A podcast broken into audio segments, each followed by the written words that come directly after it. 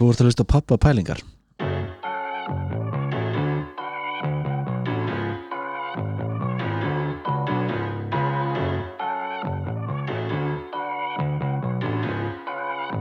I love you, Daddy. Bara velkomin og bara takk fyrir að koma í spjaldi minni pappa pælingar.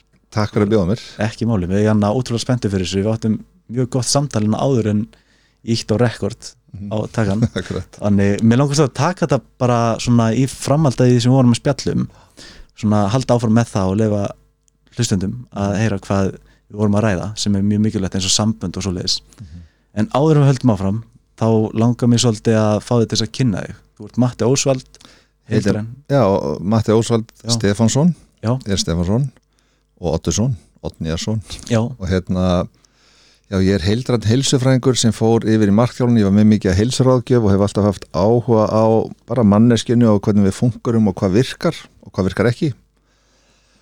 Og hvað við þurfum að gera til að vera svona já, bara góðu jafnvægi, innri frið. Það er eiginlega svona eitt af mínum stóru gildum að ef maður er friðsella innan þá virkar maður betur. Já, og hérna eh, blandaði við það markþjálfun sem hendar mjög vel í það að hérna, samtölinn sem að markþjálfun snúast um, eða snýst um sem sagt. Og já, ég var eða var, er körfuboltamaður. Já. ég var í körfubolta og kefti frjálsum íþróttum og svona þegar ég var yngri og hérna, ég fór svolítið inn á þessa braud kannski út af því að ég ætlaði að vera atvinnumar í körfubolta. Ég var tilbúin að æfa mjög mikið og leggja mjög mikið að ná mínu. Ég hérna, varð Íslandsmeistar í kringlukasti eftir að hafa keft fimm sinnum. Já, ok. Gaman að segja frá því sko, en, en ég var með langa handleggi og stóra stæðlur og, og hérna gaman að geta sagt frá því en ég var svona meiri korfuboltamæður já, en hérna, já og, það gerðist að ég, ég mittist ég var átjánara og það, það endaði ferilum minn. Þannig að hérna ég fór að leita mér og heilbriðskerfjörunni saði mér, ég fór að hitta þrjá sagt bæklunarleikni, svona íþróttalegni sem var þá og hérna tauga sjúkdómalegni hérna á gamla borgarspítalunum Já. og þeir sögðu bara við mig það er ekkert að gera í þessu Nei.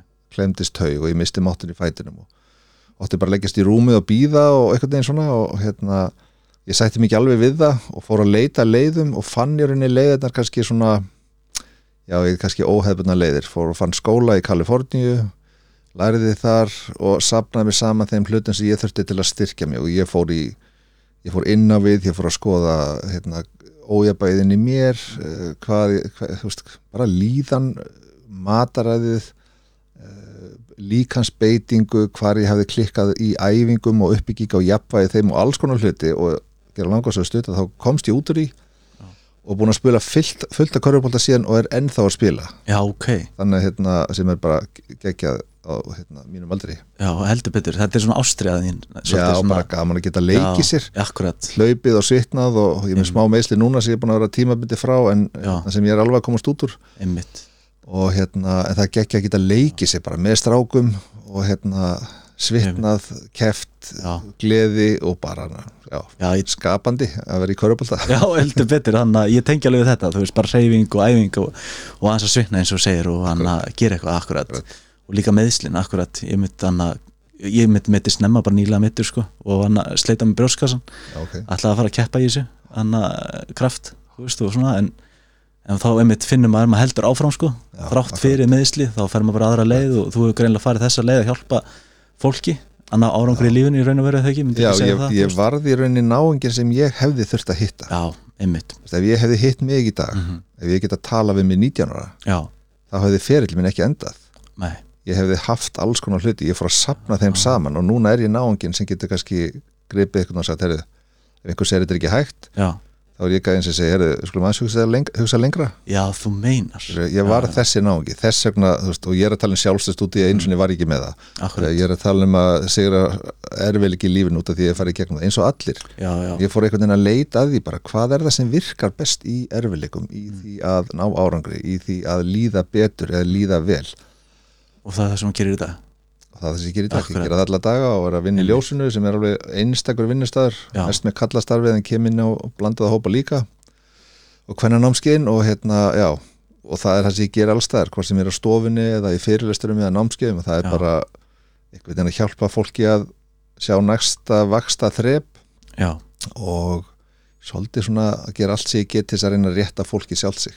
Akkurat, einmitt þetta, ég myndi segja að þetta verður bara mjög góð kynning á, stutt kynning á, á þér og þá, anna, þá langar mér svolítið að fara áður en að, meðan það er ferst það sem maður ræði áðan. Já, við sambönd, sambönd á milli eða bara samskipti kynjana eins og vorum að ræða mitt áður en við fórum að taka upp og, og samböndin okkar við hvernfólkið, Mhm.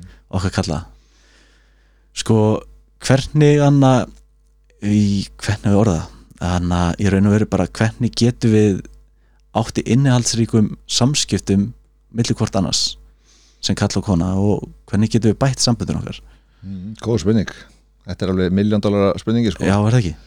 og ég held að stóra málið sé að auka skilning Mm. það er bara nummer 1 og 3 það er að auka skilning á því að við erum ekki eins í samskiptum og núna er, núna er svona viðkvæmt að tala um sko, ég er ekki að segja að hérna, e, þetta með að við sem ólík, kynin sé ólík nú er talað um öll kyn. Og það sem ég horfir svolítið á er svolítið svona þessi kannski maskilun orka og feminin orka og hún er í öllum kynjum. Við erum með báðar orkur inn í okkur uh, konur eru með báðar orkur inn í sér og þú veist við getum beitt þeim hvernig sem er. Þegar við, en þegar við tölum um þetta og munin og þegar maður spyr fólk sko er hérna erum við ólík?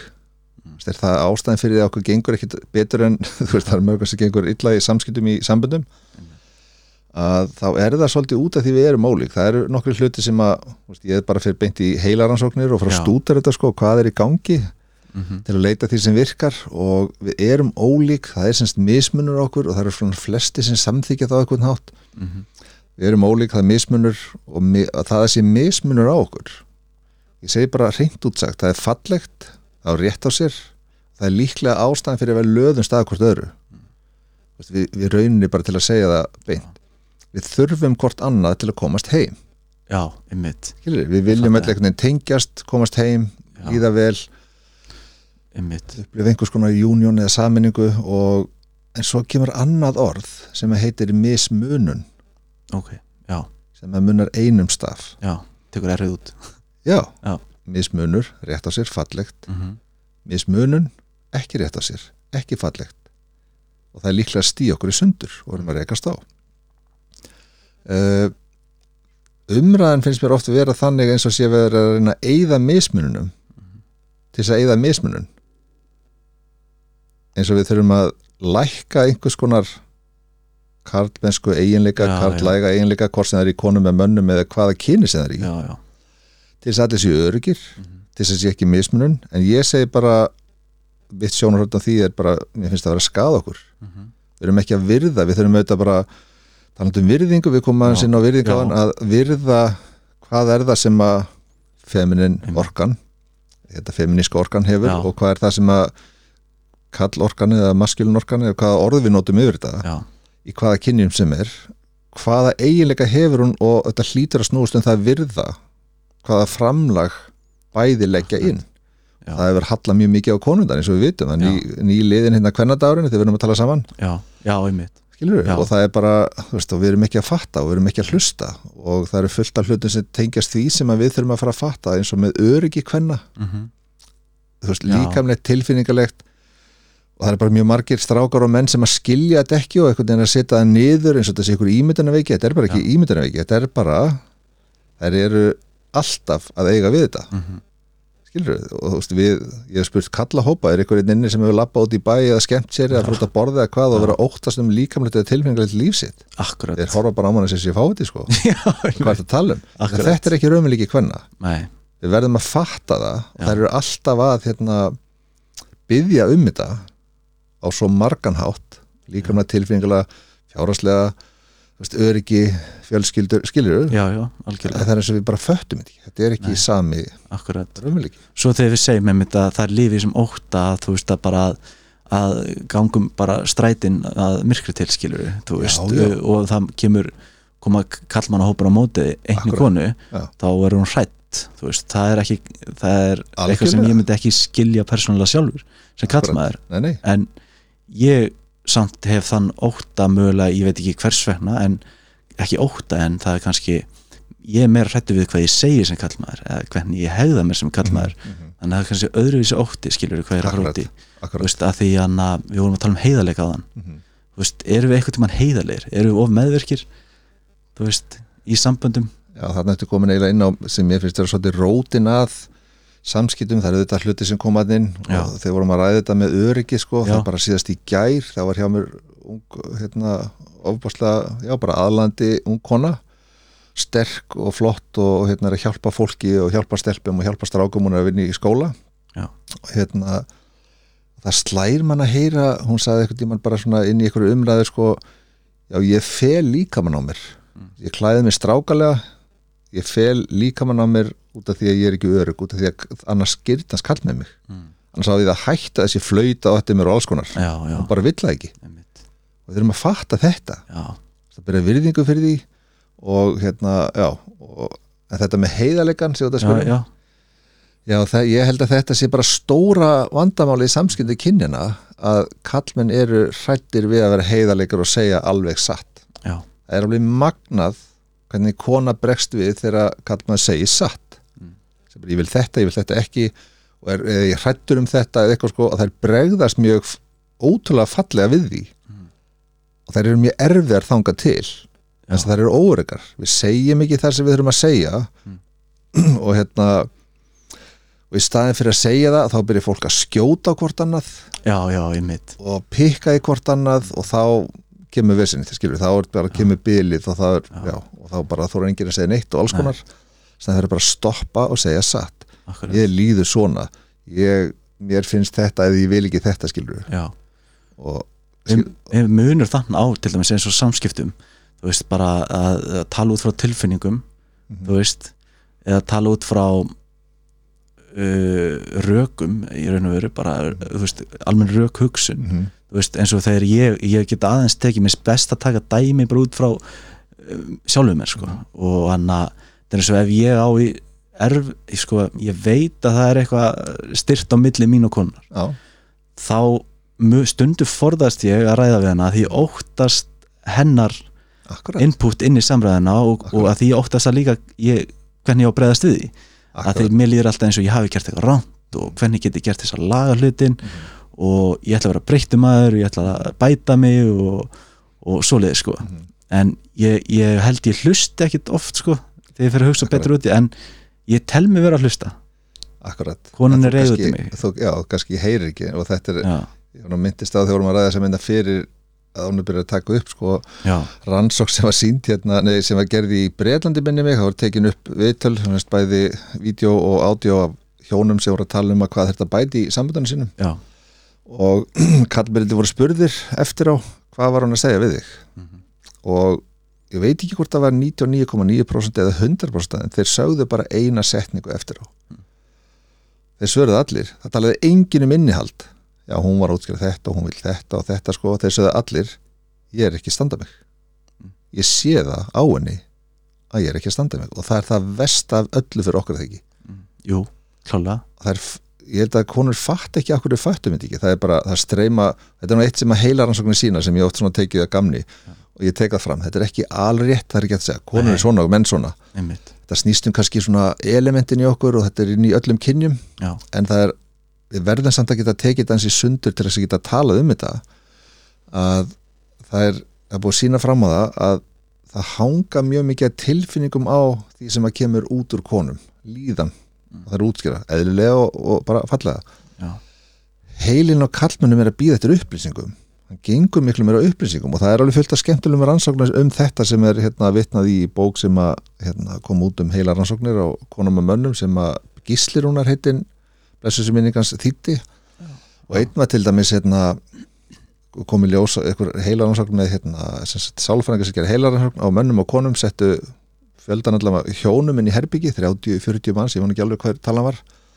Og þau vissi ekki hvað er í gangi þeir voru að rannsaka sem sagt hvað konur, hvort að konur eða menn bregðist við óvissu ólíkt. Mm, þannig að settu henni í herbyggi þau horfði í kringu sig og skoðuðu fólki í smá stund bara tíu mínútur.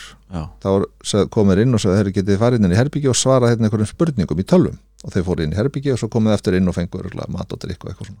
Já.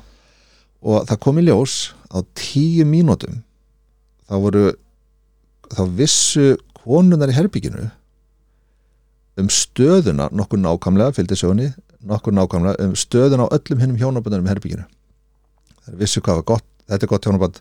Það er fengur myndir á tölvu, já, þetta er gott hjónaband þetta er ekki gott hjónaband, þessi gerir þessum eitthvað. Það voru búin að greina það ómeðvitað það voru ekki að hugsa um þetta, Nei, það er bara alltaf einhvern veginn að stúdera fólk. bara greindu hérna Já, bara, "Nei, já. ekki gott hjónaband, hvað er þessi, hvernig er þessi? Já, óendalega dýrmætur og frábær eiginleiki. Okay. eftir tíu mínútur Mhm. þá vissu kallmennin þetta tvennt. Það sem fór í gegnum heilan á þeim Mhm. við hugan á þeim á tíu mínútum var þeir eru búin að greina vini og óvini. Já, mér líka við þessa en ekki þessa. Mhm. ef kemur eitthvað fyrir hérna um konu minni þá er ég til að vera með þessum en á móti þessum. Mhm. þeir voru búin að greina það. Og þeir vissu allir, nummer tvö, þeir vissu allir hvar útgöngulegin var. Mm. Það kemur eitthvað fyrir, þetta er, þetta er ekki hugsun þetta var bara einhvern veginn eðlislegt í þeim. Já. Og í konunum þá um öll samböndi þeir voru alltaf að spá í fólkinu. Mhm. þeir voru að spá í eitthvað allt annað. Þeir voru að spá í öryggi að þessu leiti Mhm. og útgönguleið. Og það fylgdi sögunni, það vissi engin kona í þessari rannsókn ég man þetta rétt hvar útgönguleið var, ég held að það er bara sagt hannig það vissi engin maður neitt um þessi hjónabönd. Þetta er útskýrið svo margt Já, hann sagði bara, þeir sögðu bara, ef ég fikk ekki neinar upplýsingar um það og af hverju í óskopunum ætti ég vera að velta öðrum hjónaböndu fyrir mér?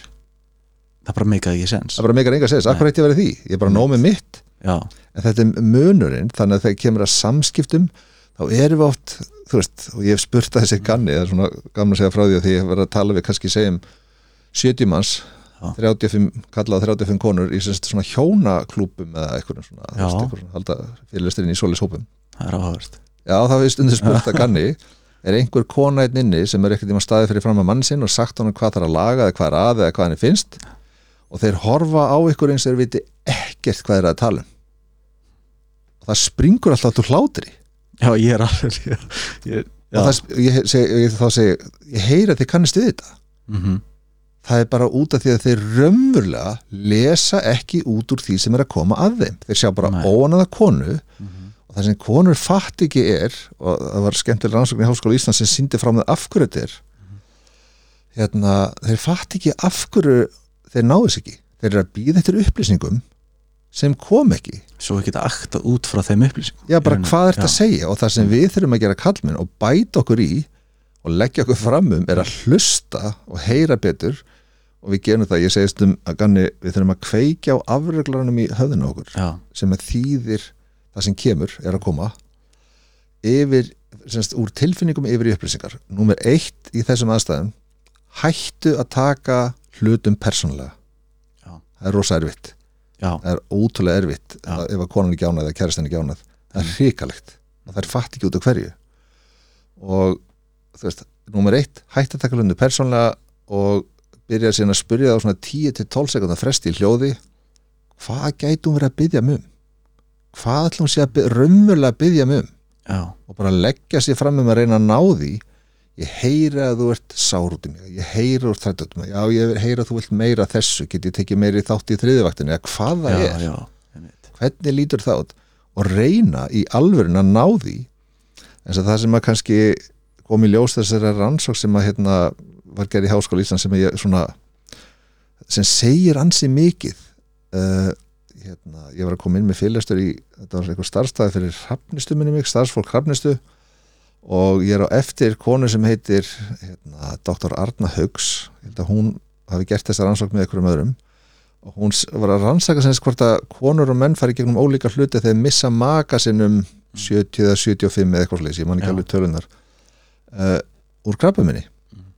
Og það sem kom í ljós var að 95% af kallmönnum, ég er bara nýbúin að heyra þessa tölu, ég held Já. þetta verið ekki svona hátt Nei.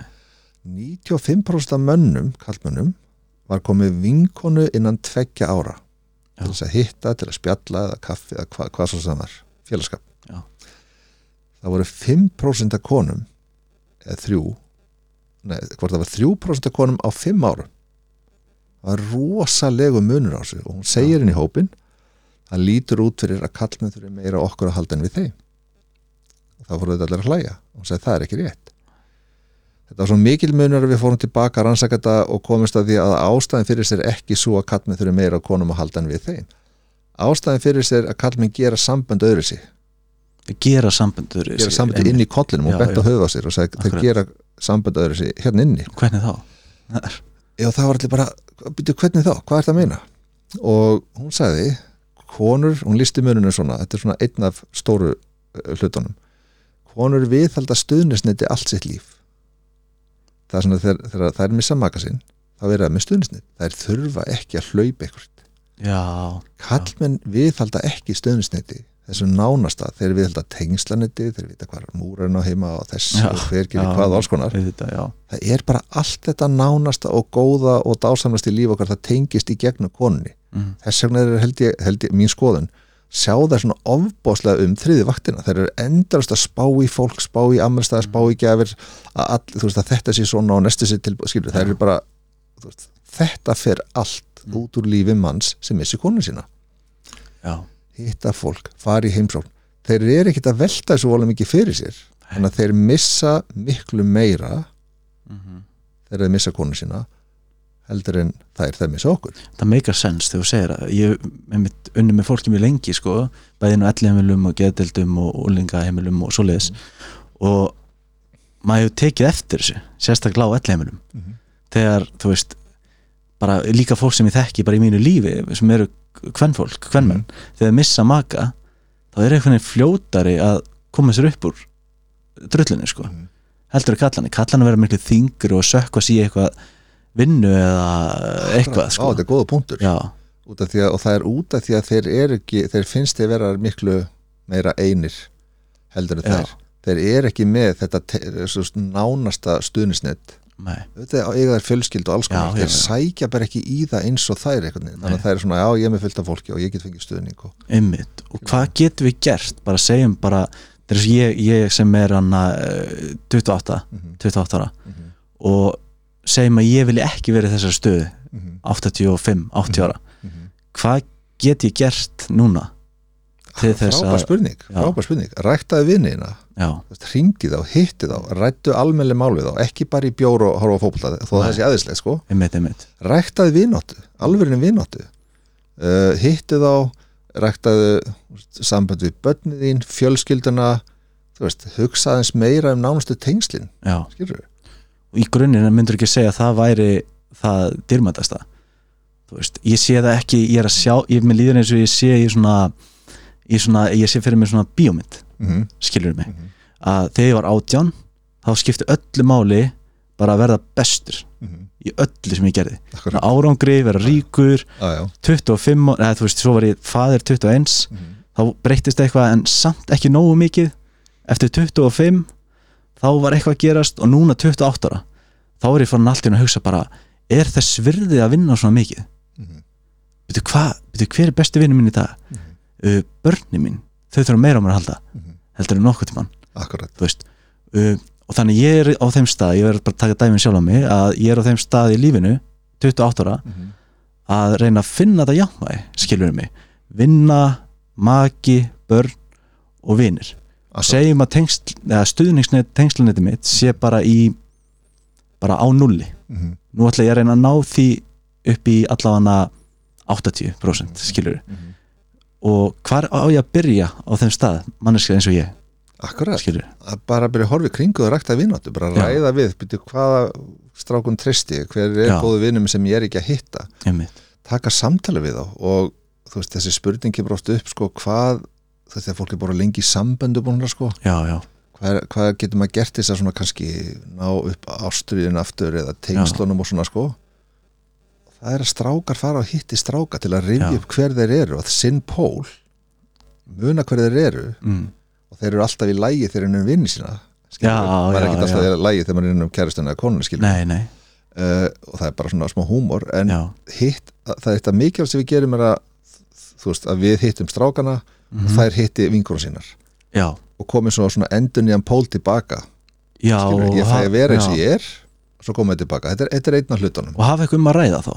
Já, í staðin fyrir að hún hefur, hún, uh, kona mín er miklu dulur í þessu. Já, að hitta vingonur og spjalla og hún hefur alltaf Surprise. frá okkur að nýja að segja. Akkurat. Hvernig á dagur þinn? Já, ég gerði það saman, ég fór rektin í morgun fór í kalda, Já, vinnuna Mhm. ég þreyttur, mhm. Látt mig vera. Akkurat, akkurat. Og það er mín leið einmitt til þess að, að, að vera í friði Mhm. til þess einhvern veginn að svona endur næra mig. Já, þetta, þarna ertu að koma inn á hlut sem ég átta, eða sko, sem ég hérna tók mjög mikið eftir því að ég var að byrja með kallanámski í ljósinu. Já, stráka hérna, ádeismat og stráka hérna, sem sagt, kalla matinn eða stráka matinn kallar og þegar við vorum að byrja með námskið fræðslu fyrir kallmenn þá var svolítið magnað að upplifa það. Þetta eru kannski þetta eru svona 12-13 ár síðan. Og þetta er búið að þróast mikið síðan. Við vorum með tíu skipti og svo erum við svona tvisa fjögur núna. Við erum með alls konar fyrirlestara og við erum að rétta mönnum upplýsingar til þess að ei- tækla þetta erfið verkefni að greinast og svona. Já, þeir fá mikið út af því að hittast og ræða málin og, og svona. Og hérna, en það var mjög merkilegt að fara í gegnum það þegar ég fór í viðtöl út af þessu. Það var allir að spyrja, "Bíddu, hvað akkur eru bara kall með sér ég segi, já, við skulum hafa sér. Þeir eru bara öðru sér, þeir, þeir, þeir detta bara og drukna einhvern veginn inn í blöndum hópum. Þeir eru ekki eins að tjá sig og þeir, já, og þeir eiga erfitt með það, svona annar punktur að erfitt með að, þú veist, erum við eitthvað að fara að ræða tilfinningar, þetta er erfitt, þetta er áfall. Og ég var spurður hvert einasta skipti sem ég fór í viðtöl. Mér fannst það svolítið magnað. Ef ég fór í viðtöl til konu það er svo mikil umhyggja í þeim. Það var alltaf mjög mikil umhyggja. Og eina fyrstu spurningu sem ég fekk var yfirleitt er ekki erfiðara matti fyrir kallmenn að eiga við áföll vegna þess að þeir ræði ekki tilfinningar sína eins mikið? Ég rætti þetta í fleiri, fleiri viðtölum og, alls konar, flott viðtöl og spurningar eitthvað svona, en svo allt í hennu fattaði ég þetta morgunin, mjög snemma modni ég var svo sifjaruglega þetta var bara kortur við sjöð eitthvað sko. Og ég fatt, ég heyrði allt í hennu hvað var verið að spyrja ég er nú aðunum að ég að hlusta. Já, já, ég hugsa allt í hennu já, ég heyrði í hennu spurninguna væri ekki betra fyrir ykkur að gera þetta eins og við? Já, einmitt já, já, og ég heyri alveg, þú tengir við já, þetta. já, við upplöfum mjög oft kallminn og við þurfum bara að fá að segja þetta já, að það er verið að segja okkur að gera hlutina eins og þær. Þetta er mikil umhyggja, við erum ekki eins að öllu leiti, við erum alveg Nei. með fleiri, við erum að taka það fram við erum með sko fleiri líkt með okkur sem manneskjur og bara í mennskunni skilur, sem skilur en við erum ekki eins að öllu þessu leiti að það er alltaf svona, nei, gera eins og við gera eins og við, gera eins og við við kunnum þetta. Og það er alveg rétt. Já, já, okkur líður betur við ræðan tilfinningar okkar þeir eru ekki tilbúinir strax þeir gera ekki eins mikið, þeir þurfa ekki að nota eins mörg orð, þeir þurfa rosalegt tröstis að fara þar inn. Mhm, þess að við erum búin að, og ég veist þú hefur lagt þessa spurningu fyrir kallahópa, þannig alveg eftirmilligt að hvað er að vera kallmaður, hvað er að vera strákur Já. og svona alls konar spurningar sem við tökum og hvað er að elska aðra mannesku og hvað lærið þeirra ömmuðinni og veist, við tökum allt fyrir. Geggja spurningar samt sko. Já, bara skemmtilegt að hlusta á kallmann Akkurat. tala um þetta sko. Það er það, já, og ykkur tíman segja er ég man ekki hvort að spurningi var sko hvað, hvað þýðir það að vera strákur eða já. kallmaður og, og það voru mjög margir við borðið sem sögðu maður á að standa sig. Mhm. þú veist, maður á að standa sig maður á ok. að standa já, sig. Það hefur enginn eitt að gera við þig og þetta er eitt svona, já þær vilja við tjá tjá um tilfinningar. Já, en svo sagði ég svona, þetta er eitthvað svona húmor eða svona í gríni, við meðum gráta á almannafæri þá getur við cirka svona stórir eða hvað er það, 8 eða 12 ára. Hvenar eigum við að hætta já að gráta á almannafæri? þá ætlum við fyrir að byrja sem skömm. Já, kannski það er eitthvað, eitthvað. Það kemur eitthvað Já. sko ekki, heldur þessu áfram þú ert alltaf vælandi þá byrjum við að fá svona skot eitthvað skilur já, já, við verðum að sína ómikið tilfinningum Mhm. og þetta er því miður bara, þú veist, þetta er náttúrulega bara galið. Já, já, en þetta að standa sig sko.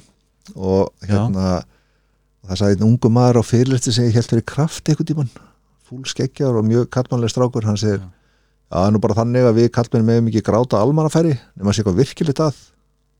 Já. já, byrju hvað meinar hann sagði, ef að konur gráta almannafæri þá bara, já, bara allt í góðu og það er bara, hún er hugguð og eitthvað svona. Ef að kallmenn brotna niður almannafæri þá hugsa fólk, jésús, það er eitthvað rosalegt í gangi. Þessi búin að missa það. Þessi er bara búin að missa, hann er bara, hann er bara það bara. Þú veist, sko- þetta er alveg góði punktur Já, sem þú veist, sko. og ég sagði, það er einhver húmor einhver sem sagði sko, við, það er svona fjóra löglegar, fjóra til fimm löglegar ástæð fyrir við grátum almannafæri Mhm. og þetta er húmor, en það er því miður allt og mikið til í, það var sem sagt ef við deyr, þá með við gráta almannafæri Mhm. já, þetta er alltaf leið mm. við missi gælutir sem er búin að eiga lengi. Já, uh, ef að hérna ef að hérna kannski badnið er að gifta sig að þú eignast badn, já, já, einmitt. Og svo er það stórtap eða stórsigur í íþróttum. Þetta er rosalega Já, þetta er Já. húmor, þetta er samt því miður aðeins og mikið til í þessu. Já, flest annað er svona aðbyrtu hvað er í gangi þetta er þannig og þetta er sem betur fyrir að breytast Já. og ég var eitthvað tíma spurður í öðru podcasti sko, er þetta ekki að breytast og svona, jú sem betur fyrir og ungi Já. kallmenn ætti bara veist, gefa sér við, við okkur vantar leifi bara, það má segja hvað þeim líður, við erum bara samt öðruvísi við tjáum þetta öðruvísi, við erum alveg í jafnmikið tilfinningum, það er bara lengra í þær. Já, og þetta sem betur fyrir að breytast en við erum samt að feysa það að ef við förum alveg þanga og missum tökjun og erum bara í tilfinningum og grátum og grátum, sem við getum alveg farið í ef við verum áföll að við missum eitthvað eða bara líður skrambi illa og vitum ekkert hvað við erum að gera við lífið. Nei, sem er bara hrikalegt. Já, að þá verðum við samt að geta sagt frá því og tjáð tilfinningar og allt þetta. Mhm. en við erum samt, ég sagði þetta í hérna, hinu podcastinu við erum samt einhvern veginn með að mm þá velur engin kona mig. Akkurat. Og ég held að margir tengi þetta, ég tengi við þetta. Já, akkurat, þá, þá, þá, þá, þá fæ ég basically ekki Já. ást. Hvað er að standa sig? Það. spurning, frábær spurning. Já, hvað er að standa sig? Já, í hverju á ég að standa mig og hvar er ég að standa mig og hvernig? Veist, þetta, ég hef oft heyrt þetta. Já. þú veist, standa sig og ég finn alveg þessar hugsanir kom upp og þú veist, er ég að standa, mig, standa mig nógu vel og, og þá hugsa ég strax ég þarf að fá meiri tekjur en heimilið. Ég þarf að hafa ískapin alltaf fulla Akkurat. kona mér þarf að geta kefsi ný föt. Kona mér á ekki að þurfa að vinna. Akkurat. Skilur og þetta er það sem að eigum við bara kannski færa hérna, umræðinu yfir í hvað er kallmennska þegar þú ert að lýsa því sem að ég heyri mjög mikið á strákum og kallmennum, þetta er einhvern veginn hvort sem þetta er innbyggt, hvort sem þetta er elementið hvort sem er já. uppalið í okkur eða samfélagslegt. Ég held að þetta sé eiginlega bara partur af öllu. Já, en ef við setjum þetta í eitthvað form veist, við erum að tala um pappapælingar að vera feður já, skipti máli að vera pappi einmitt. hlut ykkar er mikilvægt. Já, við veitum að mæður eru bara veginn það kom allir inn í heiminn í gegn það skilu, það Einmitt. er bara það mikilvægur akkurat. Að ef við setjum þetta í eitthvað svona smá ég veit ekki hvað ég segja, myndlíkingu það er á einhverju tímapunkti þá er það okkar að setja fræ Mhm. inn í konu ekki? Mhm. jú, klálega. Svo bara framkama þær eitthvað töfra mm og það kemur manneskja oftast skilur við, gengur ekki alltaf upp og allt þetta Nei, nei. en ef við bara allt gengur eins og ganga eða veist, ef allt gengur vel, að þá kemur bara manneskja.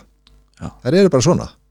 Þær taka þessi við réttu þeim eða, já, í þessu tilviki hérna, fræið og margkvaldað að það kemur bara heil manneski út úr í já, það er sagt um hvern elementið, hvort sem er í hvaða kynist það er í að það tekur hluti og skapar eitthvað úr því þú veist, réttinni hús þá býr hún til heimili þá framlegur hún sakalega mat. Það er, það er eitthvað í þessu elementi hvort sem það er í mönnum eða konum eða öllum kynjum. Við erum að tala um element. Mhm. og en ef við tökum bara þessa einföldu mynda eins og segjum bara mamma og pappi eða fadir Já. og móðir við sendum fræðin, hún töfrar bara heila manneski út úr í Já. hún er viðkvæm, hún þarf að utanumhald og hún þarf að vera varin og hún þarf að vera örug til þess að geta gert þetta. Og svo kemur barnið út þá færir hún vönd, vö- sko, vörnina yfir það, þú veist, hún setur eh, mömmu skjöldin sem er, ykkur sagði að væri sama orð á Matrix, mamma, mother, matri þetta er sama orð á Matrix, hún Já. örgan heim fyrir barnið. Um, og það er svolítið okkar að segja þá er það okkar hlutverk hvað er að standa sig, eitt af því er bara að vera mennskur Mm. og passa upp á garðinni já, á allan hátt sem því fylgir skilur að hún sé örug það þýðir ekki alltaf að þú þurfur að standa þannig að hún getur fara að kipta sér föti eða svona, ískapur sé alltaf fullur skilur bara, við erum hérna saman. Já, við erum að reyna, þú veist, þetta er bara stundur segir fólk fyrirtæki okkar sko, þetta er bara samvinna í að þetta gangi, við erum að halda utanum, ég passa garðin mm ég sé að geringi sér lagi. Já, ég sé að grasa sér lagi, ég sé að ég geri allt sem ég get til þess að því við kannski getum ekkert gert allt sem konun að gera í þessu tiliti skilur við? Við erum að reyna það svolítið svo, stundum Já, líka já, við getum alveg helling og ættum að taka miklu mér Já, þátt í já. en þetta er samt alveg, þú ert að tala um einmitt elementið þannig, einmitt, að þetta er rosalega ros, þetta er eina betri útskýringu sem ég heyrt um hlutverk föðurs Mhm. þú veist, og ég bara persónulega anna, þegar ég eignast mitt fyrsta barn þá anna ég oft sagt þessa ég nefnir ekki alltaf að segja aftur og aftur en þá bara mann ég, þú veist, ég var 21 árs fyrir utan spítalan og ég reykti á þessum tíma og ég tók upp eina síkó og svo þegar ég ætlaði að taka upp nýja þá var ég búið með allan pakkan þú veist, ég var bara einhver móki ég sá ekki neitt, þú veist, sá bara svart og Akkurat, ég ringdi pappa og sagði hvenær mun mér hægt að líða svona eins og mér líður, ég skildi ekki. Já. hann sagði þetta mun líða hjá. Hvernig leiðir? uh, Hvað er hér Akkurat. Ég var í bulland áfalli ég var hrættur, ég óttaðist að get ekki staðið með sem faðir. Akkurat. Ég var í skýta eða þú veist, skýta jobbi þannig Mhm. en þú veist, og ég hugsaði bara nú þarf ég að bara fara út að sjó skilur, eða bara náðu pening skilur, Akkurat. Sem mér persónulega í dag finnst skalið ég hefði viljað fara til mín og segja staldraði við aðeins, já, þetta mun allt lagast. Akkurat. Og veist- bara takk fyrir að deila þessu og kannski Já. verið deilt þess áður bara takk fyrir hugur ekki við að segja þetta. Já, það það eru mjög mörgum sem líður þannig. Algjörlega, mun ég hafa efni á blegjum næstu þrjú ára eða fjögur ár? Akkurat. Skilur við, bara get ég farið 719 sinnum í, í, búð og keft blegjur og öllu sem þess að fylgir get ég staðið með sem pappi, það er rosa mikilvægt að taka þetta. Já, ég hef oft sagt að hérna, þetta var mín upplifun uh, og margra annara ég einhvern veginn átta mig á því að, að sko móðurinn verður til Mm.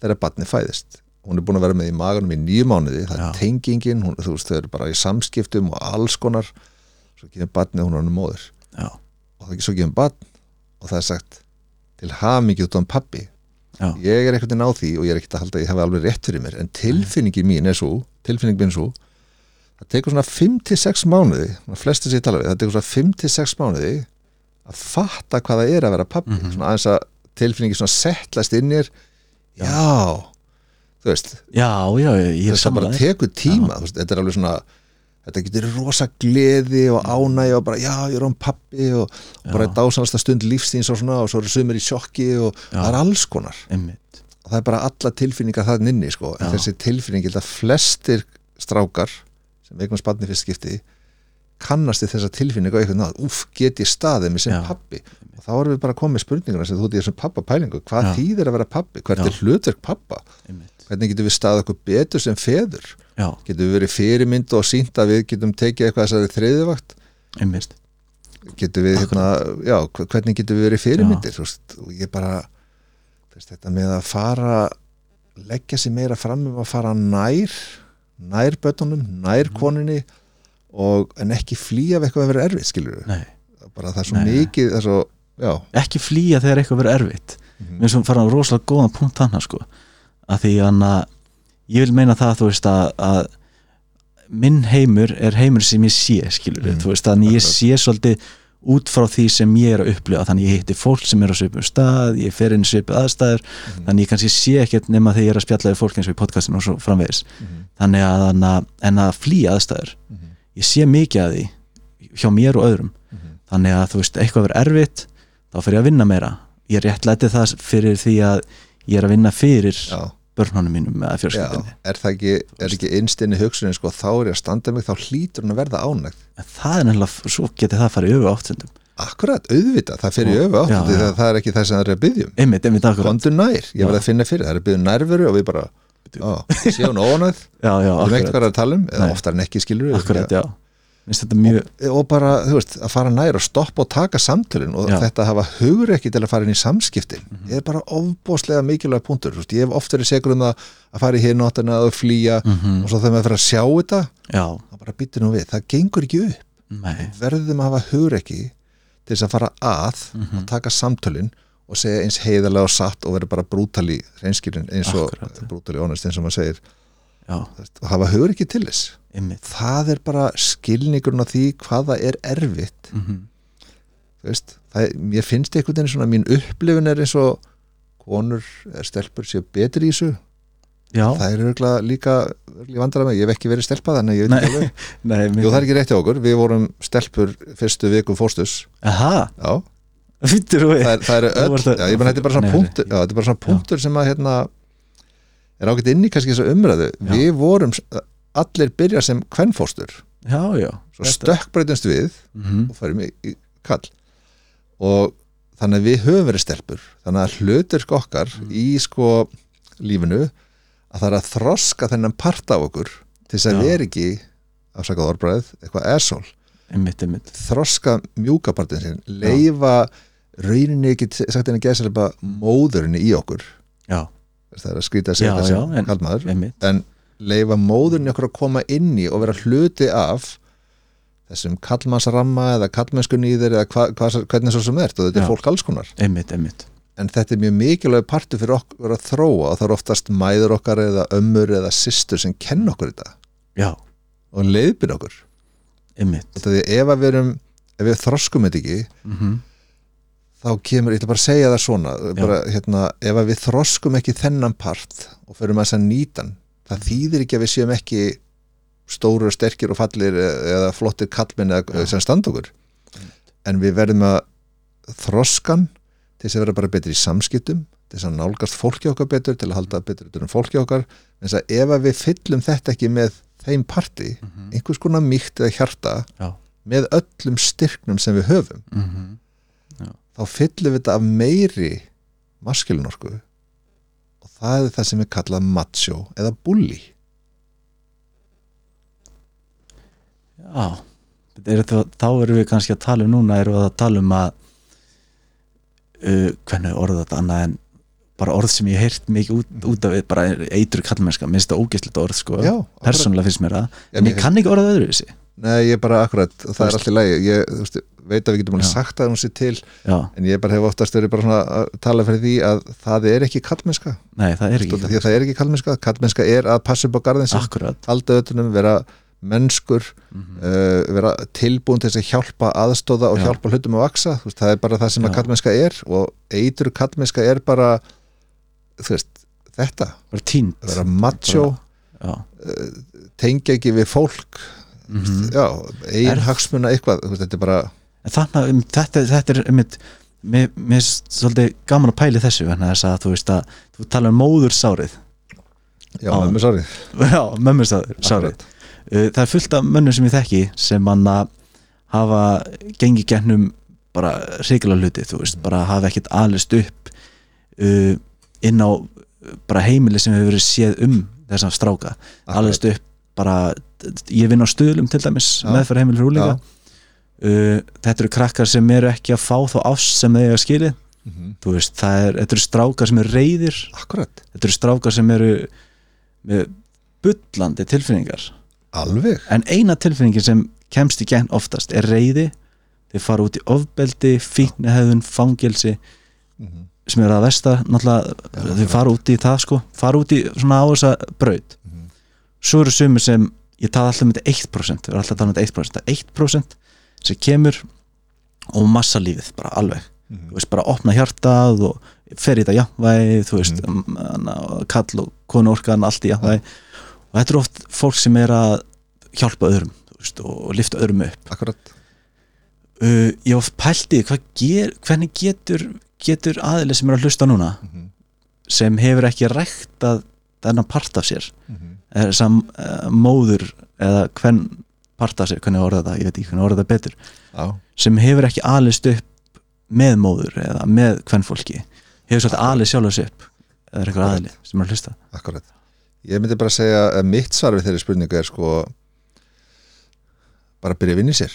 Já, byrja bara að hitta fólk eða að segja hvernig þeim líður og viðkynna þetta vegna þess að veist þetta með mömmusárið mm uh, þetta er alveg ofbáslega mikilvægur punktur eða orð að fatta þegar við höfum að þú veist, þau erum að tala um samskipti kynjana þau erum að tala um sambönd og hvernig við kemur að fólki.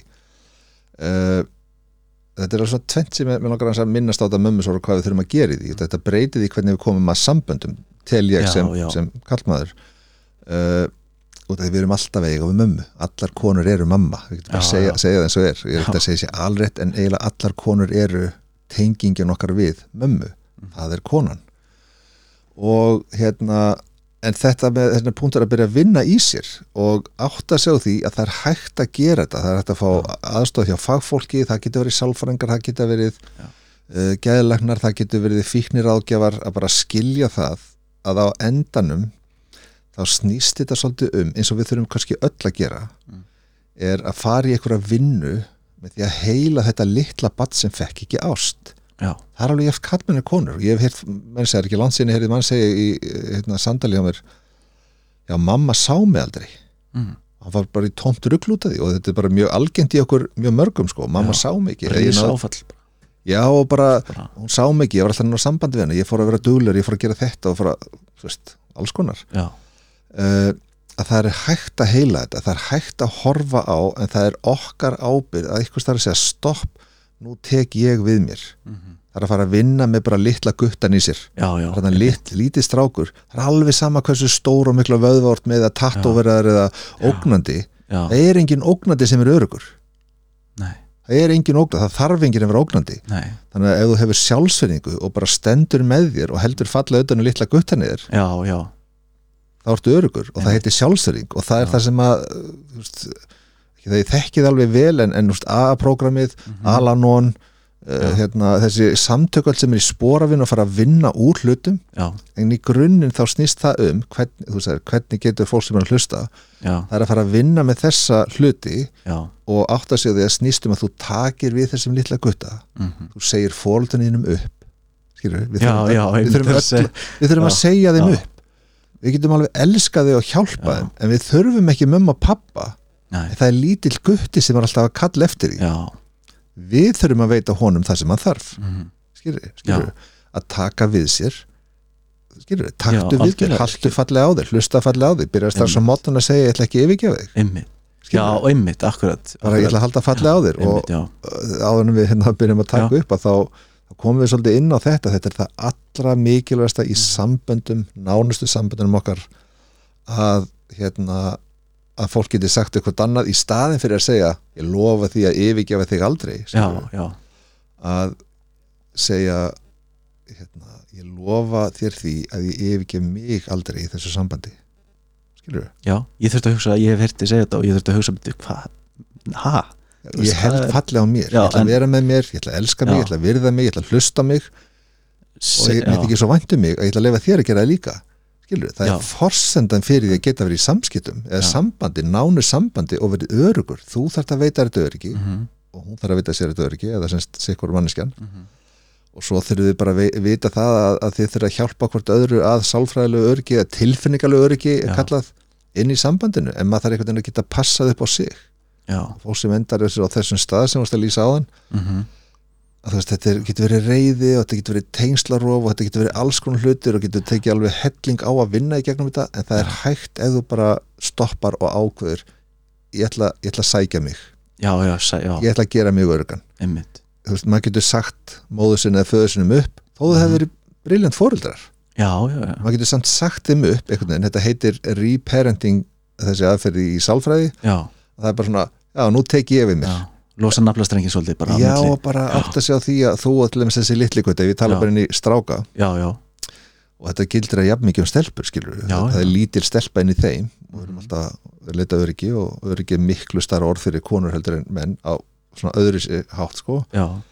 En að við getum sagt eða átt okkur á því að þessi litla manneskja inn í þér mhm, sem þú berð ábyrð á þú þarft að standa með og hérna, verja er að þetta er lang, lang mikilvægasta og lengsta ástasamband sem þú munt eiga í þessu lífi. Já. Með sjálfæði, já. það er alveg, já, algjörlega. Og ef þú sérðum það já, og sýnir þér virðingu þú getur ekki ætlast þess að aðri sýnir þér virðingu ef þú gerir það ekki. Það er bara ósangjant akkurat akkurat, þetta er eins og þegar var sagt við mig til hamingju þegar ég sagði að það, eh, það voru svo margir að segja ég var svo sjálfsölskur mm -hmm. til hamingju um það, ég alveg, já, akkur þú vorst að læra að elska þig. Akkurat og, Og- þetta, er, þetta er oft fólk sem að hérna, til hamingi með að elska sjálfum þig sjálfsástinn mm -hmm. það er svo margir hrættir ég, ég er með mikið af fyrirlistunum um bara mjög heilbritt sjálfströst Já. og hvaðan það kemur og hverju rótin að því og svona alls konar.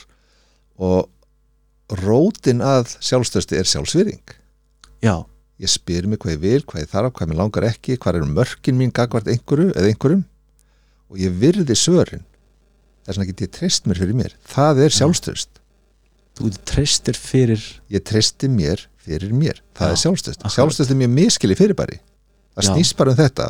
Það er þetta lítill guttin í mér. Mm ég sé um hann, ég ver hann. Ég set mörk fyrir hann. -hmm. og ég segi tjáum mig fyrir hann ef hann Já. þarf að segja eitthvað. Sjálfströst er þetta, ég treysti mér fyrir mér.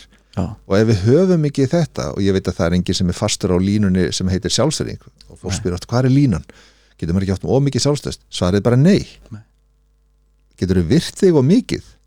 Já, ok, ef þú horfir á þetta bara eins og línan er og ég segi bara, er, það er rosalega skil lína og hún er eldrauð og hún heitir sjálfsverðing og sjálfstæði og vera frjáls. Hún er rosalega skýr. Mhm. ef þú ert ekki með það hlustar fallega á þig og heldur fallega á þér þá förum við undir þessa línu og förum í meðvirkni meðvirkni hegðun langur listi og við höfum öll gert þetta. Já, til þess að vera örug já, ég bara minka mig og ég hlust ekki á mig og ég geri þetta og ég passa á þessu og alls konar. Passa maður særi ekki neitt passa maður særi ekki neitt nema mig. Ég passa að rugga ekki í báttum nema alltaf lega minn bátu sér á fullri ferð. Hversu blindur ertu þannig já við bara, við, þessa línu? Algjörlega, við erum náttúrulega bara við gerum þetta til að fá öryggi, við þurfum að fatta það að við gerum þetta til að fá öryggi. Þetta fjallar allt um það. Já, þetta er litla barnir sem það er öryggi, litli guttin er litla stelpan Ok. ef við erum ekki þarna þá kannski til einhver okkur þar og við byrjum á þessu sem krakkar þetta er sagt að þetta komið cirka inn þegar erum sjóra þá er þetta í okkur prógræðin sem að gefur okkur mest öryggi. Ef við förum yfirlínuna þá erum við komin í hrókan, reyðina Mm. tillisleysið, sjálfhverfuna. Það er ekki sjálfsást. Já, sjálfskverf og sjálfsást er sikkurt sikkur fyrirbæri, já. hluturinn, ok, sjálfsástin er bara Ok. sjálfsvirðing, skil, já, allir sjálfsást. En það er hægt að vera yfirlínu með hróka, reyði, græðgi tillisleysi, Mm. það er ekki sjálfströst nei, það lítur oft út fyrir að vera sjálfströst já, skilur einmitt skilið, já. Þannig að við þurfum að fatta hvaðan þetta kemur. Þetta er svo að reyna að finna balansin maður Já. fyrir upp og niður upp. Já, eða bara hvaðan Já. bregstu við lífinu? Ég spyr mig og ég Mhm. hlusta fallega. Já, skilur við, þetta er ekki eftir þess að aðri hlusta á þig fallega ef að þú gerir það ekki. En er, já, sorry, er, er þetta ekki nú, nú er, þetta er rosa góð myndlíking. Þessi rauða lína, þú veist, við vorum að tala um hróka, græðikina, reyðina hana fyrir ofan. Svo vorum við að tala um meðvirknina þú veist, hana fyrir neðan. Og nú, nú hugsa ég hversu mikið erum við að hlaupa? Ring eftir ring eftir ring eftir ring eftir ring, við þannig á milli, á þess að fara hann á línuna. Getur við raunverulega verið á þessari línu? Já, er hamingja þegar fólk tala um að verða hamingjusamt já, uh, það, það var hann að ég var með trú sem ég trú ekki lengur sem er svo að ég trú því að þú getur ekki verið hamingjusamur nema að þú getur verið sáttur mhm.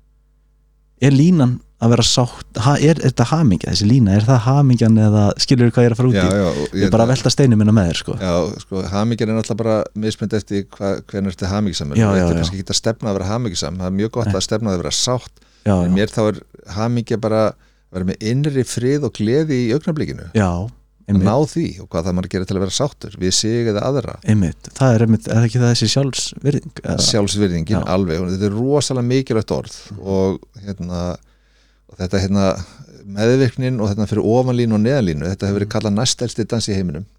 Næst, elsti dans í heiminum. Ok, þetta sækir í hvort annað. Þetta er bara eins og Já. og yang þetta er bara eins og já, elementin einmitt hljómað þannig, já, Já, og, þetta, þetta, og það er sá sem að kendi mig mest um þetta maður alendis hann sagði ef við erum bjarsýnir þá er ekki nema svona 97-8% af samböndum í þessum dansi. Það eru mjög fáir sem ná að vera í sambandi í sjálfsverðingu skilur það er eiginlega allir hérna einhvers þar á milli. Já, já, já, skilur og þetta er bara mjög algengt og þetta getur verið endislegt fólk og gott fólk skilur en það er þessi dansi hérna og því við erum ekki að hlusta okkur eða við verjum okkur með græðgi eða tillisleysi eða hróka eða einhverju. Meni, græðgi er bara til að verja sig það er betur að fá öryggi, ég bara græðin ofur mig þá er ég öryggur, tillisleysi, já ég bara séð mig hrókin, ég hef bara nóg hátt að þá virði fólk mig.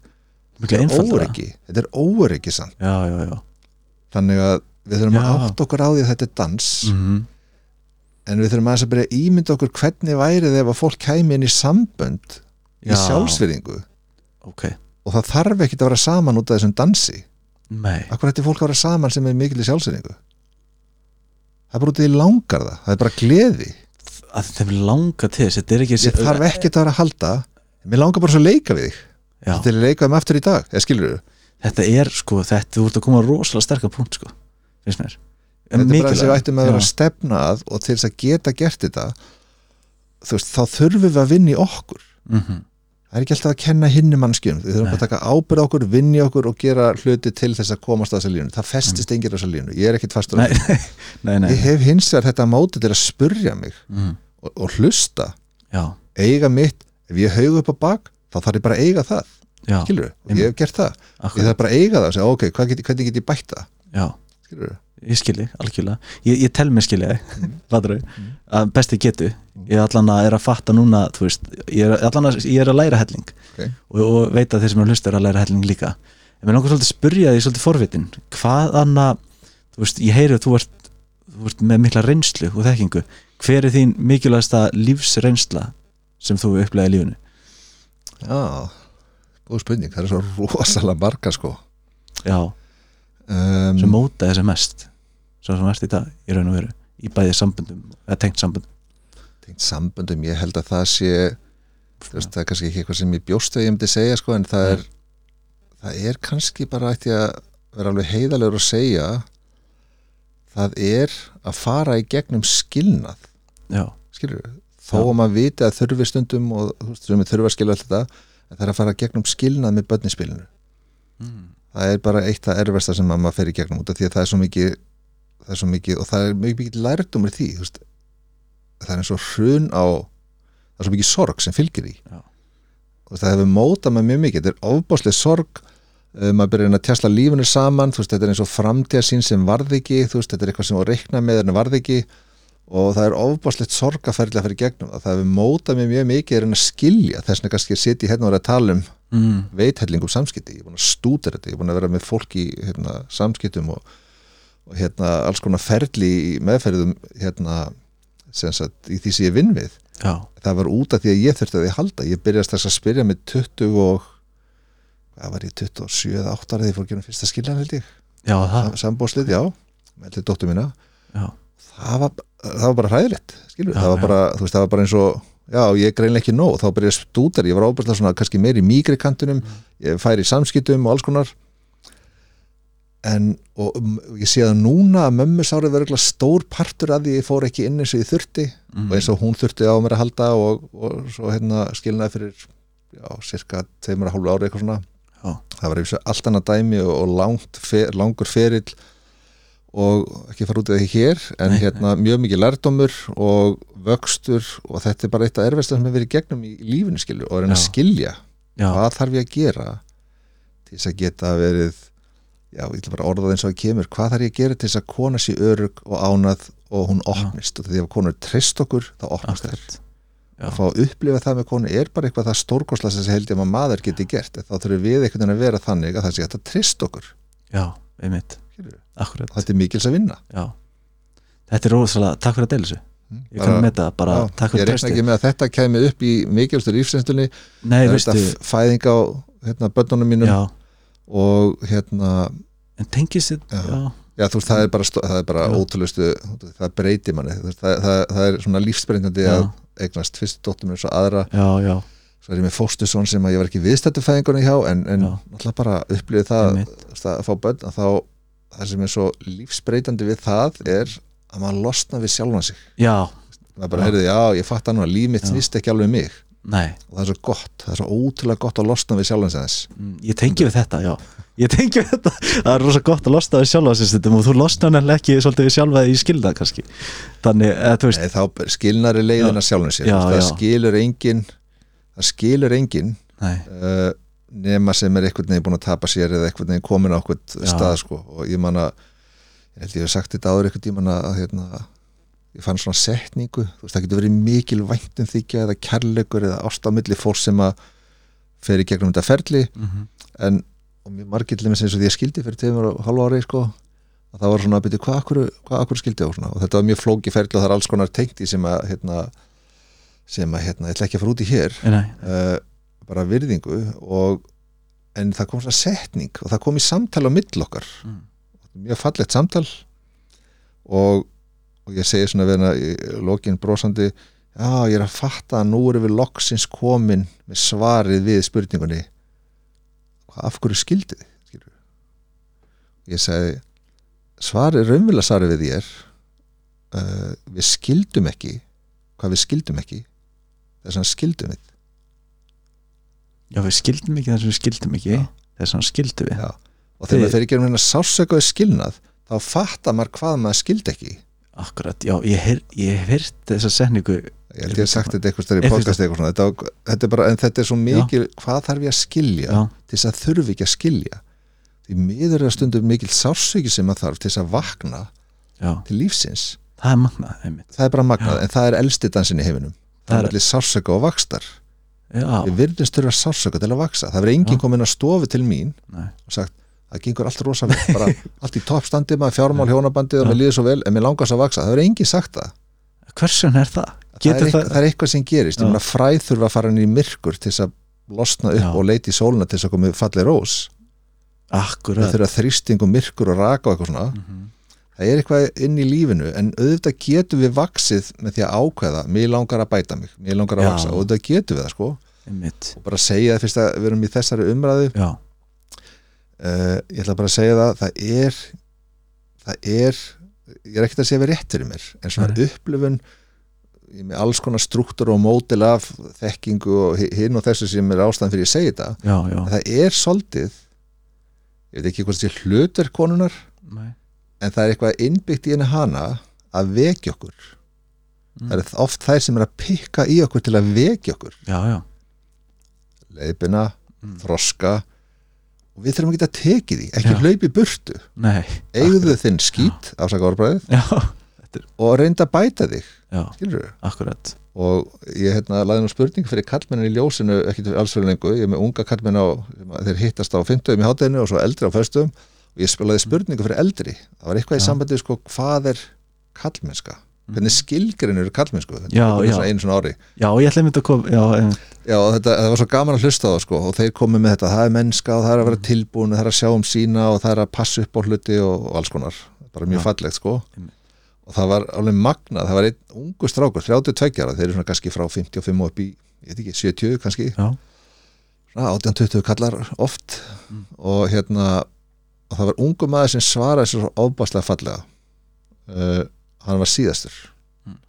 svara, hann sagði að mér finnst svolítið svona kallmennska að, að fatta það að ég þurft að læra á makan hann er- hann er kona og gerst að töfbönn eða kona og ég að læra á makan mm hvað henni vantar og hvað hann þarf og svona frá mér og, og læra af henni.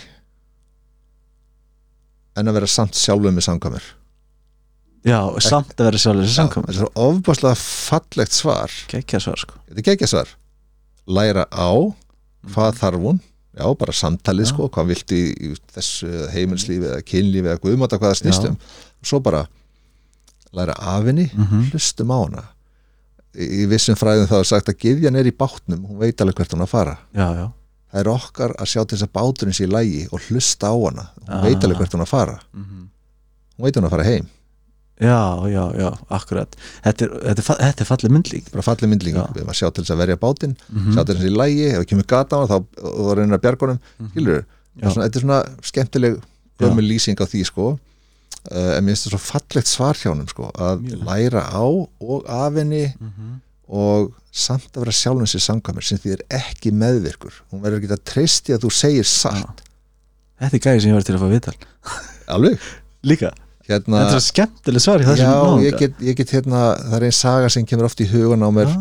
þeir eru að tala um hérna þú veist, myndust aðeins á hérna skemmtilega bók sem er mjög holdt fyrir held ég stráka að lesa. Já, Já, hérna, sem heitir það, er svona, það kemur eitt atrið upp í hugunum ég hef svona ofbáslega mikið, alveg fyrir þúsundi samtali gegnum síðustu 30 ár eða hvað er. Já, og það er svo eftirminnlegt samtal við við erum að tala um íþróttastjörnu Mhm.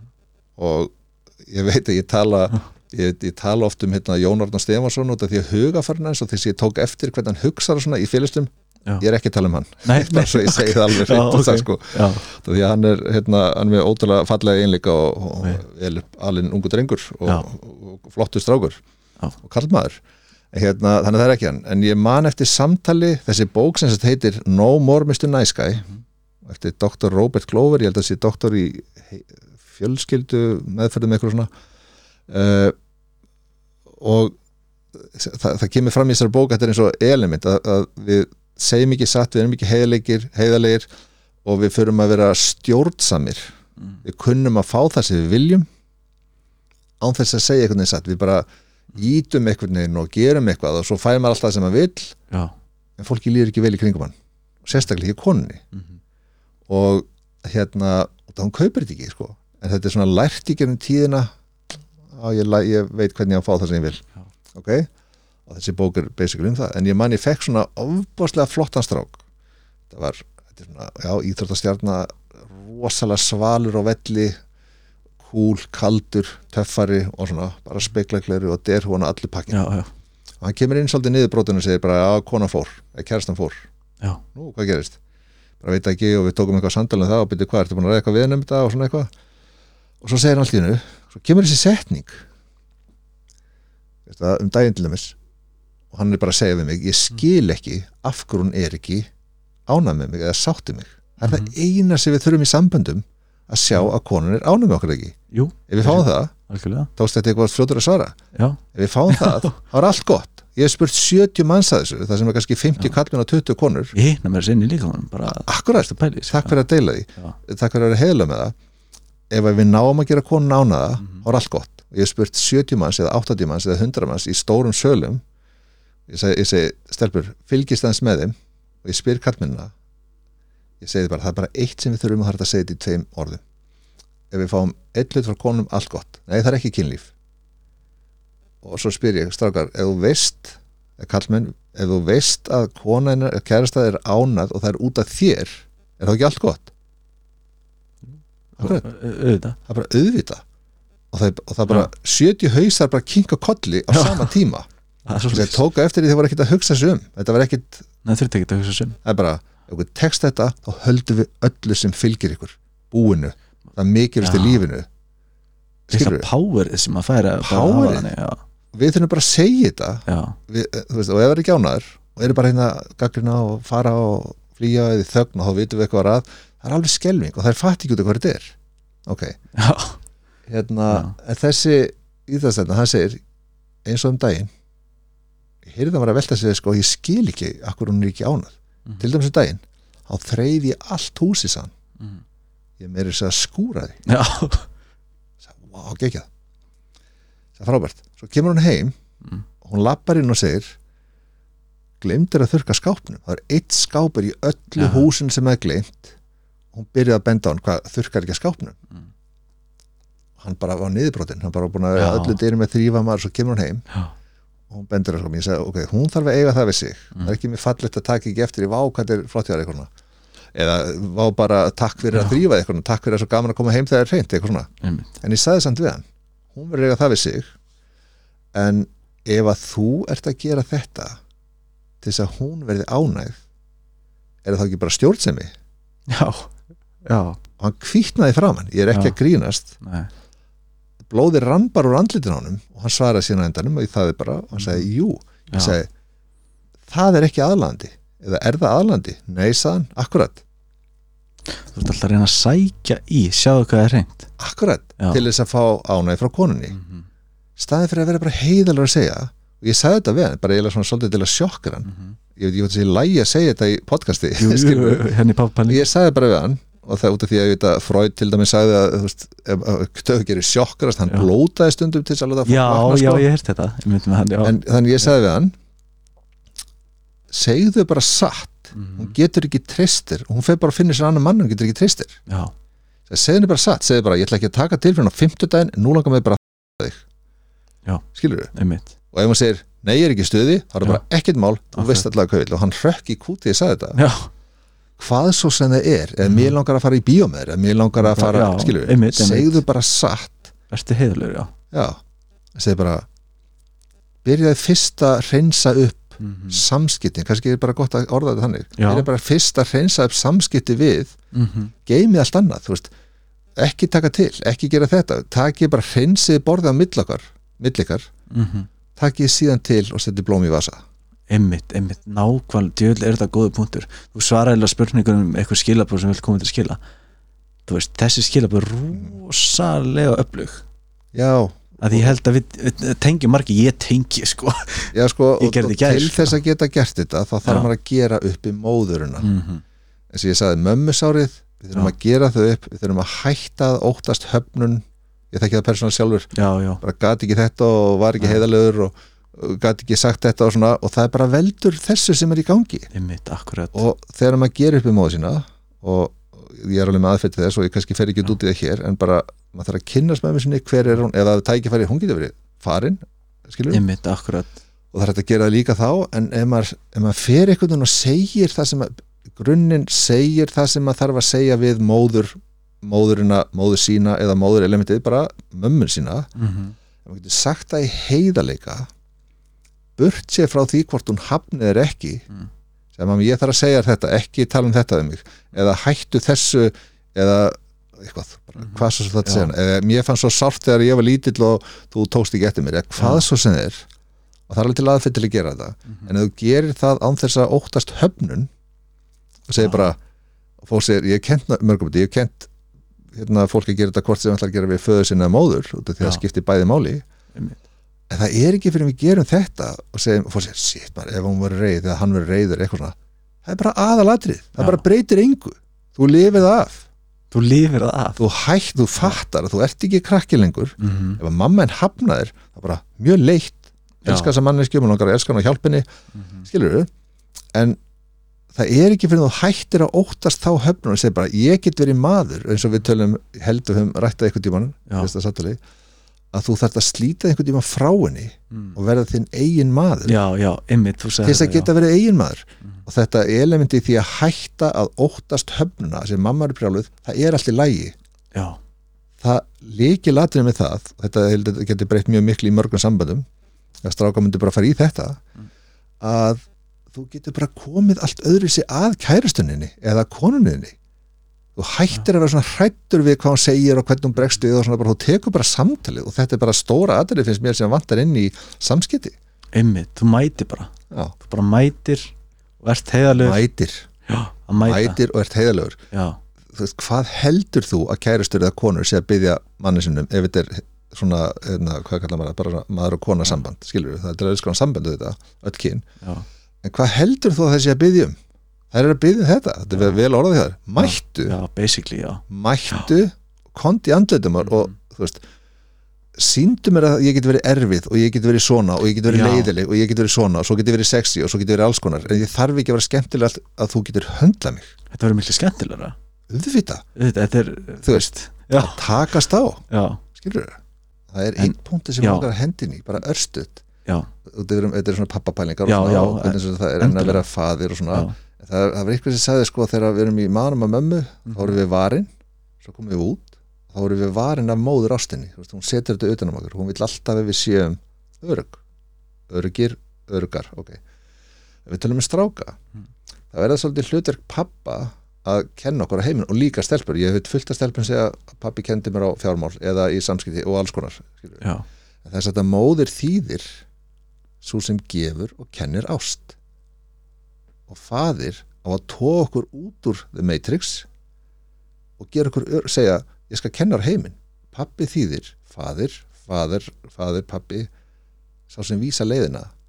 Hann á að reyna að kenna, þetta er bara, þetta er bara ein svona leið til að horfa á þetta ef við ætlum að segja hvert, hvað ég gera sem pappi eða hlutur heimurinn er ekki eins örugur eins og mamma en vill hann sé. Já.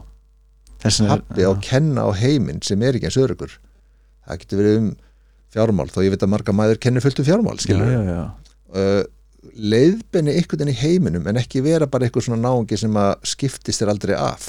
Skiptu þér af bönnunum taktu þátt í samtalinu um uppeldi við skilur og skiptu þér af og kontu inn í það. Og leiðbendu bara eins og þú getur skilur þetta er rosalega þetta er rosalega vel orðað þetta er Becky Ólafs þú, þú varst í vitalið honum eða ekki? Með sann að útskjörðan hennar rosalega vel en er mjög svipa á móðu sinni og föðu sinni ég, hef- ég hef heyrt sko raunverulega, það er ekki landsinni heyri 95 ára konu segja við 58 ára gamla son sinn viltu ekki fá því banana? Viltu ekki, ertu ekki með trefil? Skilur, það er, það er hættis aldrei. Það hættir aldrei nei og það er bara fallegt. Einmitt, já, já, en við þurfum að átt á því að við þurfum það ekki. Við hljótum að geta trist okkur til að vera já, já, skilur, þetta er bara fallegt. Það, er, þetta er bara Akkurat. mamman, já, það er bara umhyggja. Endimörk alheimsins. Takk skilurðu. með þetta að reddast. Ég er í góðum mólum takk, þú veist, já, já. Akkurat. og pappin er með þetta kannski, þú veist, þetta þú, þú lísti pappalhutverkinu rosalega fallega líka. Þú veist það, er svona, að ég heyri með hvernig við erum búin að tala saman og meðan ég er búin að hlusta því ef við skilda rétt, þá er líka mikilvægt fyrir okkur kallmenn greinlega að vera með eitthvað tilgang. Vera með eitthvað verkefni og, og, og, og svo framvegir sko. hvernig væri, briljant punktur ef að þetta er bara, þetta er bara ég. Já, kannski ef við myndið að hjálpa Mhm. ef að konur myndið fatta það að við þurfum upplýsingar um hvaða verkefni við getum séð í þriðju vaktinni. Akkurat það þarf Já. að komast þannig ekki bara, þetta er mikið verið með þetta og alla tilfinningar, þeir bara býtu hvað vilt það ég geri? Já, og stundum hlustar ekki og það er mig alveg skamma á að fyrir að hlusta ekki og allt það, en þeir verða hætta að taka hlutum persónulega og hlusta betur mm og átt að sjá því að þriðja vaktin eru ótrúlega mörg verkefni en ég veit ekki hvort að kallmenn fari í það að passa upp á allt saman, veist, nestið og veist, hitt og þetta ég það akkurat, að þetta, sjáum allt er búið þessu, er búið að þessu já, ok, ég verði að útdeila þessu verkanum, ég verði að útdeila þeim. Já. Annars fer bara, eh, þú veist stelpa mér fær sko prótistíkju orð þeim matur sem hægt að fara með mér sko. Þú veist, það er bara minn, ég veit það. Þetta er ekkit, veist, þetta er ekkit grín. Ég, þú veist, en kona mér veit það líka. Veginn, og ég banna þær inn í þóttahúsi skilur, ég Já. bara mín föt og hún er bara búin að banna mér það. Já. en þess að ég er að ruggli í þessum fötum Já, skilur, já, og svo það er alltaf svo eru lægi kallmenn líka eins og Já. í hópunum í ljósinu. Ég tók Já. þessar umræðin daginn og það eru sumir sem að sjá algjörlega þáttin ég sé algjörlega já, já, einmitt. Kærasta mín til þess hún er aldrei, hún er bara, ég er bara aldrei hitt mann bara, ef komið blettir eða eitthvað þá Já. elska ég bara að ná blettum. Já, einmitt, ég bara, er geggja maður, Já. það gáði þetta.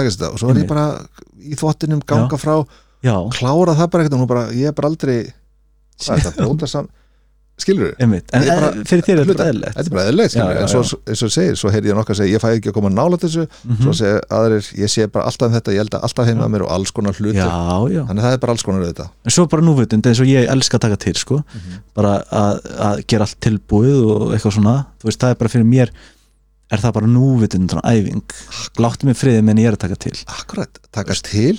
Þvotturinn þetta er núutnæðing algjör, þetta er friðurinn sem kall með þurfa þetta því að þegar ég var spurður alltaf hérna í, í hérna, útarfinni upp af við ljósins þegar ég var með kallanarskinn já, er ekki erverða fyrir kallmann eiga við áfættum sem ræði ekki tilfinningar sínar?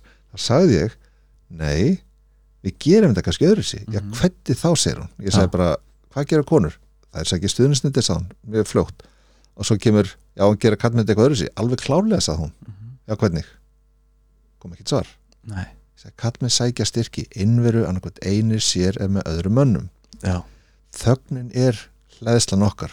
Friðurinn, innveran, þögnin. Ég teka fram að makin konan er langstæðsti stuðningurinn þegar menn greinast með krabbin og allt það, Mhm.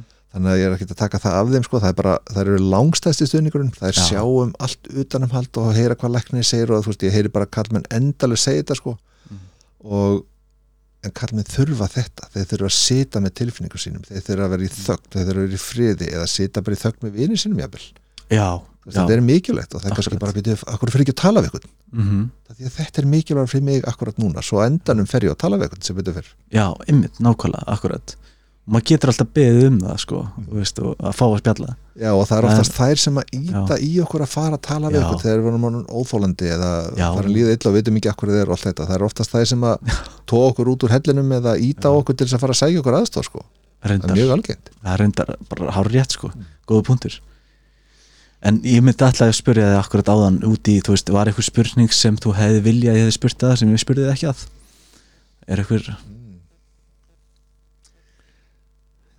ég, kannski bara það fyrsta sem kemur í hugan sko, væri þú veist, þessi umræð um vanlegan ungra stráka sko, og hvað þeir eru í miklum vandræðum. Og hérna það er ekki allir auðvitað, maður að standa sér frábæla allt það, þú veist, en bara þessi fókus á að þeir virðast því miður margir líða það illa þeir geti ekki tala með neitt og hérna, ég er búin að þess að heyra um sko tvö mál undanfærið þess að þeir voru svo hrættið að standa sig ekki eða búin að klúður einhverju að þeir ákvaða að fara af jörðinni skilur Mhm. og það er hræðilegt að hugsa um þetta það segir hvað er bara veist, hvernig þeim líður með því að standa sig eða vera ykkur eða skilur Já, hvernig getum við já. tæklað það já, það er ræðilegt sko. hvað þurfum við að gera í samfélaginu sem segir bara, heyrðu, halló þið megið segja hvernig ykkur líður þó þið gera það öðruvísi Mhm. við getum hérna já, opna á það að það sé bara heldur cool já, að akkurat. kunna á tilfinningar sínar. Já, þú veist, já. Hvernig væri að geta staðið sig í því? Mhm. sjá fallega um sig, taka við sér passa upp á sig. Já, já þetta, er, þetta er eitt af mínum mikilvægastu svona verkunum einmitt líka, einmitt það sem þú ert að segja. Ég er alveg sammálaðir og þetta er eitthvað sem mann þarf að tækla bara strax. Það þarf að tækla þetta bara eintur bingo sko, að því þetta er orðið ég er að vinna með ungu strákum og er að vinna með úlingum og stelpum líka sko maður sér þetta, þetta er hrikalegt sko. Og maður getur ekkit maður, það er svo lítið sem maður getur gert sko. Svo segir að st- strá þessum fræjum. Mhm. maður getur verið til staðar þú veist. En já, akkurat Skilurðu? og passa upp á svo líka kannski eitt sem kemur hugunum mér ég er náttúrulega alltaf henni kynnslóð og er bara ekki, ekki inn í mínu að átta sig líka á því að þú veist þá sé geggja gaman að vera í tölvuleikjum og með vinni Já, sínum og það er fullt af samskiptum það getur líka orðið flótti algjör það hjálpar engum, það er alveg svona hvað að setja áfengi eða, Mhm. eða eitthvað munstur eða matur eða, eða tölv eitthvað öll fíkn eigðilegurinn í lífið þitt á endanum. Akkurat, þú veist það er alveg sem að hvað við köllum hann og hvernig hún byrtist og það bara, ef það flótti frá sér það hjálpar ekki, akkurat. Bara stoppa kannski og hugsa eins út í það. Og ef maður finnur fyrir einhverju svona þú veist, einhverju fínni hegðun maður veit alltaf af því en maður er að sækja stíka til þess að flýja sig Já, og ég get alveg sagt Það er þér að það er ekkit alltaf sem fólk veit að það er í fíknæðun nei, nei, nei, það kannski er bara átt að það Nei. þegar einhver bendir á þig eða það átt, þú veist, allt inn er bara Já. statt hann eða búið rústöldlu lífi sínu og það er bara byrju, ekki Mhm. ég er bara að gera mér enga grein fyrir því það er bara alveg til og það er Já, mjög algengt það, það fattar það enginn fyrir en kannski eitthvað gerir sem er bara svona æpir sko.